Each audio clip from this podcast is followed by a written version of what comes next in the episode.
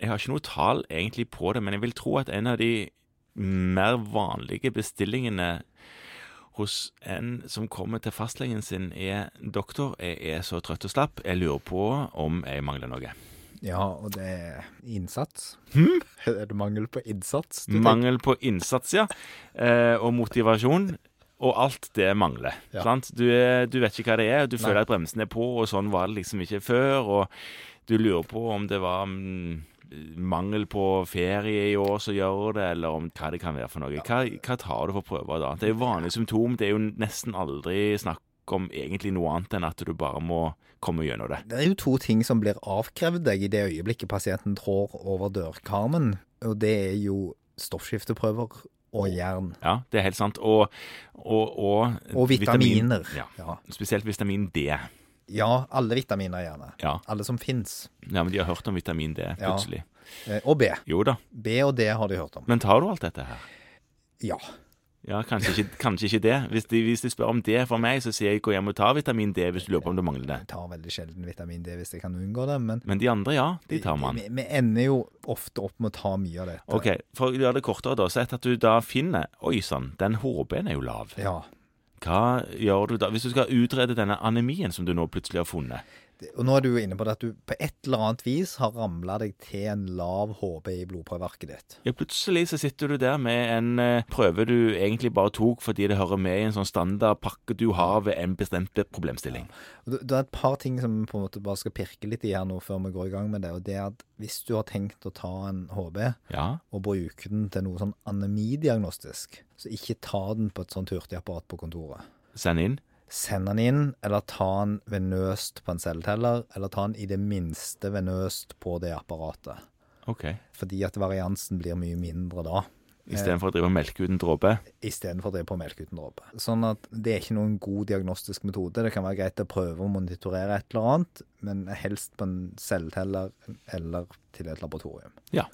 Eh, Og det er jo sånn at disse tilstandene er jo ikke sånn katastrofekrise, veldig akutte. Nei, ikke alltid iallfall. Hvis de er det, så er spørsmålet om du skal stole på det blodprøvesvaret uansett. Ja. OK, men hva gjør du da? Nå har du fått en, en litt lav HB. Nei, Da, da er det viktig å bedrive litt diagnostisk tankegang og tenke at det er to grunner til det. Den Kan ene, være. ene er i all hovedsak at du mangler byggesteiner til å lage blod. Ja. eller at det blodet du lager, renner ut altfor fort. Mm, ja. Eh, Det betyr enten at blodet i seg selv renner ut, eller, eller at de røde blodcellene dør Et eller annet sted. før tiden. Mhm. De dør altfor unge. Ja. De skal jo leve i tre måneder, og Eh, De så dør skal de. leve i omtrent i tre måneder, og hvis Ja. de dør altfor unge, så er det òg et problem. Ja.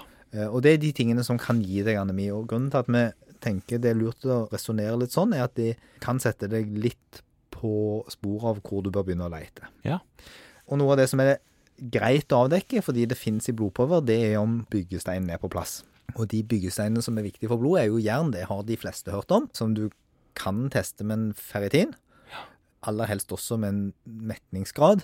I tillegg, hvis du først har begynt å tenke på det. Mhm. Og da vil du jo klassisk få en mikrocytær hypokrom anemi. Ja, mikrocytær. Så du, du må ta noen cellevolummålinger òg, da. Og de følger med på de fleste av de der HB-pakkene dine i dag, så med mindre du eksklusivt har krysta for en HB, så får du de ofte med. Ja. Det vi kaller for en MCV og en MCH, Mhm. som da gir eh, Hvis, den, hvis de er små, og også kanskje det er til og med den som heter MCHC, så tyder det på at det er for lite hemoglobin per celle, noe som er en utfordring. Mhm. Så det er lurt å teste.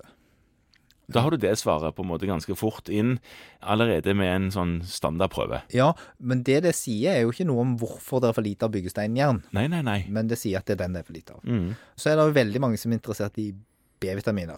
Ja, for de er òg viktige når det Ja. gjelder hemoglobin. I all hovedsak så er det jo to. Det er folinsyre, og så er det B12.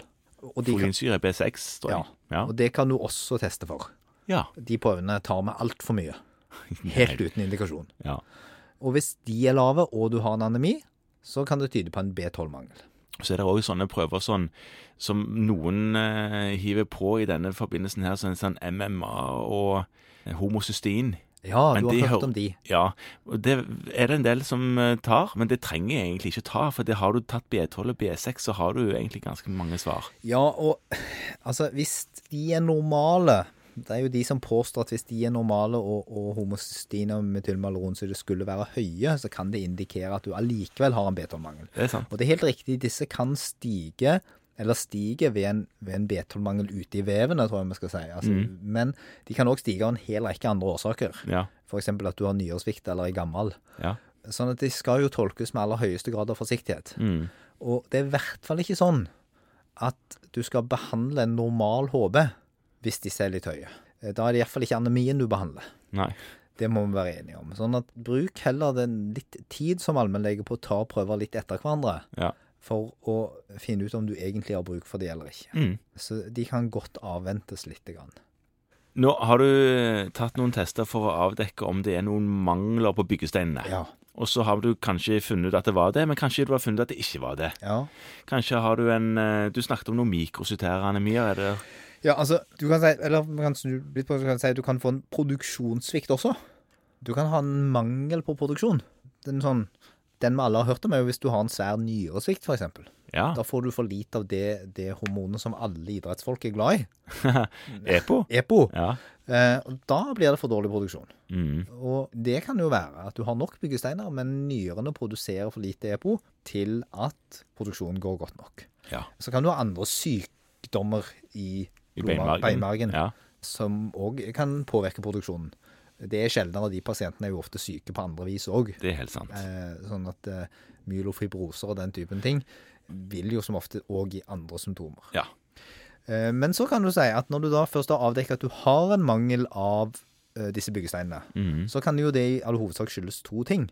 Det kan skyldes at du enten ikke får tatt opp disse Ja. på vanlig måte gjennom tarmen, eller at de renner ut igjen for fort. Og så har du den siste årsaken til anemier med normale byggesteiner. Det er at de røde blodcellene dine lever altfor kort.